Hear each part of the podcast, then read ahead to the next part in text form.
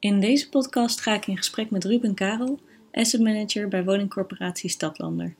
We hebben het over de invulling van betaalbaarheid binnen het asset management bij Stadlander en over het spanningsveld tussen betaalbaarheid en rendement. Verder vertelt Ruben over zijn lezing tijdens ons seminar Betaalbaarheid op 12 april 2018.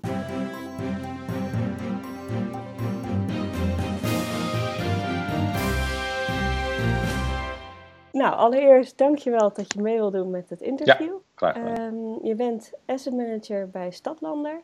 Kun je wat meer vertellen over je functie en over je achtergrond?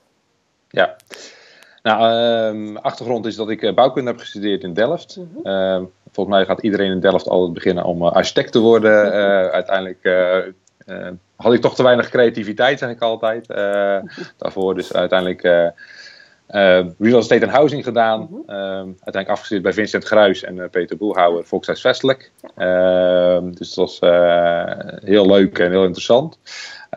alleen, ik heb afstuderen gedaan bij een woningcorporatie en uiteindelijk beviel dat daar niet zo heel goed. Ah. toen ben ik uiteindelijk bij eerst bij Lidl terechtgekomen als acquisiteur. Mm -hmm. Dus het, echt de vastgoed, vastgoedwereld in. en toen na een jaar overstap gedaan naar een ontwikkelaar Um, ontwikkelende aannemer. En daar een aantal jaar gewerkt uh, aan, uh, aan, ontwikkelingen. Toen de overstap gemaakt naar een uh, wat kleinere corporatie in Sliedrecht. Um, daar als strategisch voorraadbeleid opge opgezet en ingericht. Nog wat kleine projectjes daarnaast nog ook nog wel gedaan. En daarna de overstap gedaan, nu waar ik nu zit bij Stadlanden.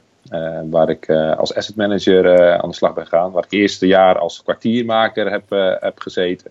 En daarna aan de slag ben gegaan echt als, als asset manager. Want het kwartiermaker was omdat we in de midden in de reorganisatie zaten. Althans de vooravond ervoor. En we gingen echt de overslag maken als stadlander naar, naar asset management. Ja. Dus om er eigenlijk gewoon een beeld van te krijgen. Ja. En nou, zodoende nu bij Stadlander ja, twee jaar in die zin echt als asset manager en een jaar als kwartiermaker nu aan, uh, aan de slag. Ja. Dus uh, dat is even een korte notendop uh, mijn... de geschiedenis. de geschiedenis, inderdaad, in de geschiedenis. Ja. dan ben ik wel benieuwd. Ja, betaalbaarheid is en blijft natuurlijk een hele belangrijke opgave voor woningcorporaties, ook met, ja. met maatschappelijke ontwikkelingen. op welke manier wordt daar binnen het asset management bij Stadlander gehoor aangegeven of invulling aangegeven? Ja, dat is best een, een, een lastige uh, in de zin van, uh, omdat je als asset manager natuurlijk verantwoordelijk bent voor uh, rendement. En wat bestaat er eigenlijk rendement uit, is, is maximale opbrengst en minimale kosten, even heel plat geslagen. Ja. dus de opbrengst maximaliseren is natuurlijk ja, het belangrijkste middel voor de corporaties zijn natuurlijk je huren om, als inkomstenbron. Uh, dus als asset manager hebben wij, en we werken ook heel erg uit het driekamermodel. Ja. Uh, dat hebben we ook echt wel op die manier geïmplementeerd. Waarbij het vastgoedkamer heel erg zit op maximalisatie. Nou, optimalisatie, dat zit heel dicht bij elkaar. Ja. Uh, van, van je opbrengsten. en misschien wel meer naar maximalisatie dan optimalisatie. Want ik denk dat uiteindelijk de optimalisatie in, in totaal wordt gedaan. Ja. Dus als manager heb je eigenlijk de opdracht van, oké, okay, zorg dat je huren maximaal worden en je kosten dus zo minimaal mogelijk worden. Um, zodat je uiteindelijk uh, wel natuurlijk die, de surplus die je kan krijgen, die je kan investeren in nieuwe ontwikkelingen, in, in, in, in, je aansluiting voor je andere opgaves die ja. je hebt liggen. Dus ehm, puur sec vanuit asset management, eventjes binnen een corporatie zoals wij het hier invullen, is, zit daar best wel zit daar wat spanning op ten aanzien van betaalbaarheid. Ja. Ehm, omdat je ja, aan het maximaliseren bent we hebben dat wel vertaald in een bepaalde manier dat we daar mee bezig zijn. Dat we hebben gezegd, oké, okay, we, moeten markthuren eh, bepalen natuurlijk elk jaar vast voor de, voor de jaarrekening. Maar die gebruiken we ook werkelijk als, als sturingsmiddel okay. um, om um, daar een afslag voor te doen richting doelhuren, zoals we dat bewust hier hebben genoemd. Ja. Geen streefhuren, maar doelhuren. Ja. Omdat je anders de vergelijking met uh, het woningwaarderingsstelsel heel sterk maakt. Uh, uh, die doelhuur wordt eigenlijk bepaald op basis van kwaliteit en inschatting van, uh, van de doelgroep die daar weer huisvest. Dus kwaliteit technisch, wat voor product heb je, hoe groot is het en welke kwaliteit heeft het, uitstraling en ehm, welke doelgroep wil je er huisvesten. En dat kan soms heel dicht bij de markthuur liggen, eventjes, hè, ehm, in sommige gevallen. Ja. In sommige gevallen moet je daar afslag van doen. Omdat je gewoon in een uh, bepaalde ja, passende toewijzing natuurlijk een heel belangrijk kader ook daarin is. Tweede belangrijke kader is daar het, uh, ons portefeuilleplan. Van jou, je secundaire, primaire doelgroep. Daar heb je ook natuurlijk een verdeling van voor nu en naar de toekomst. En hoe ver sluit je daar aan bij als je dat, die doelhuren gaat vaststellen. Mm -hmm. En dan derde af, uh, en dat, dat heb je dan vastgesteld. En daar ga je eigenlijk mee met, met onze afdeling klantengebied. De, de, de maatschappelijke kamer in dit geval ga je in het gesprek voor. Oké, vanuit onze optiek is dit optimaal al. Hè, dus niet meer maximaal, maar optimaal al.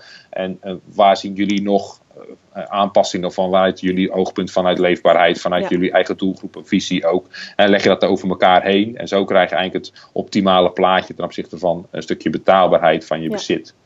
Dus uh, ja, dat is eigenlijk hoe we met elkaar daar uh, mee bezig zijn aan het ja. stoeien zijn. In dit en als je dan andere asset managers één tip zou mogen meegeven over hoe zij met dus inderdaad het spanningsveld tussen asset management en betaalbaarheid zouden kunnen omgaan, wat voor, welke tip zou dat dan zijn?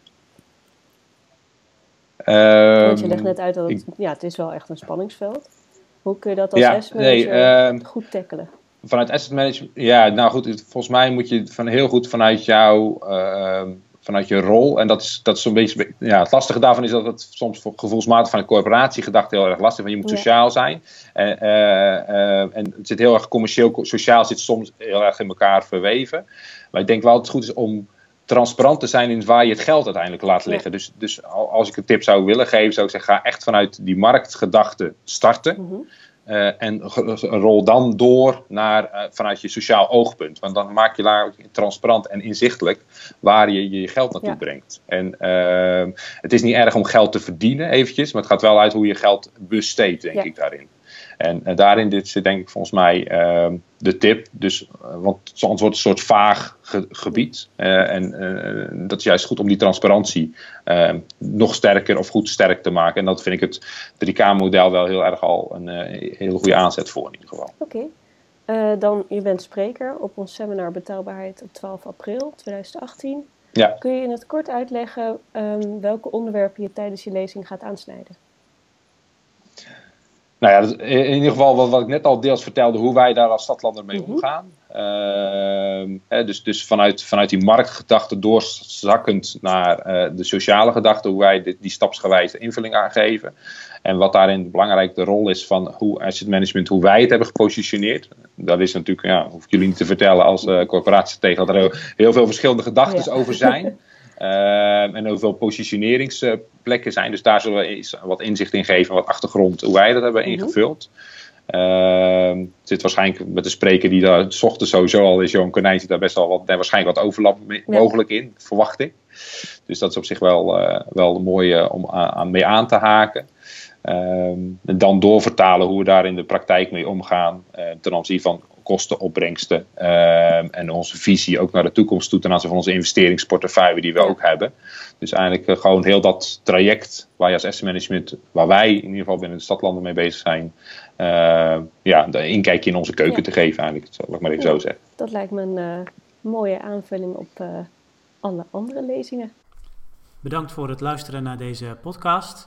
Wil je nieuwe afleveringen ontvangen? Abonneer je dan op deze podcast. En kijk ook eens op onze website corporatiestratege.nl voor meer praktische tips en downloads die jouw werk als corporatiestratege makkelijker maken.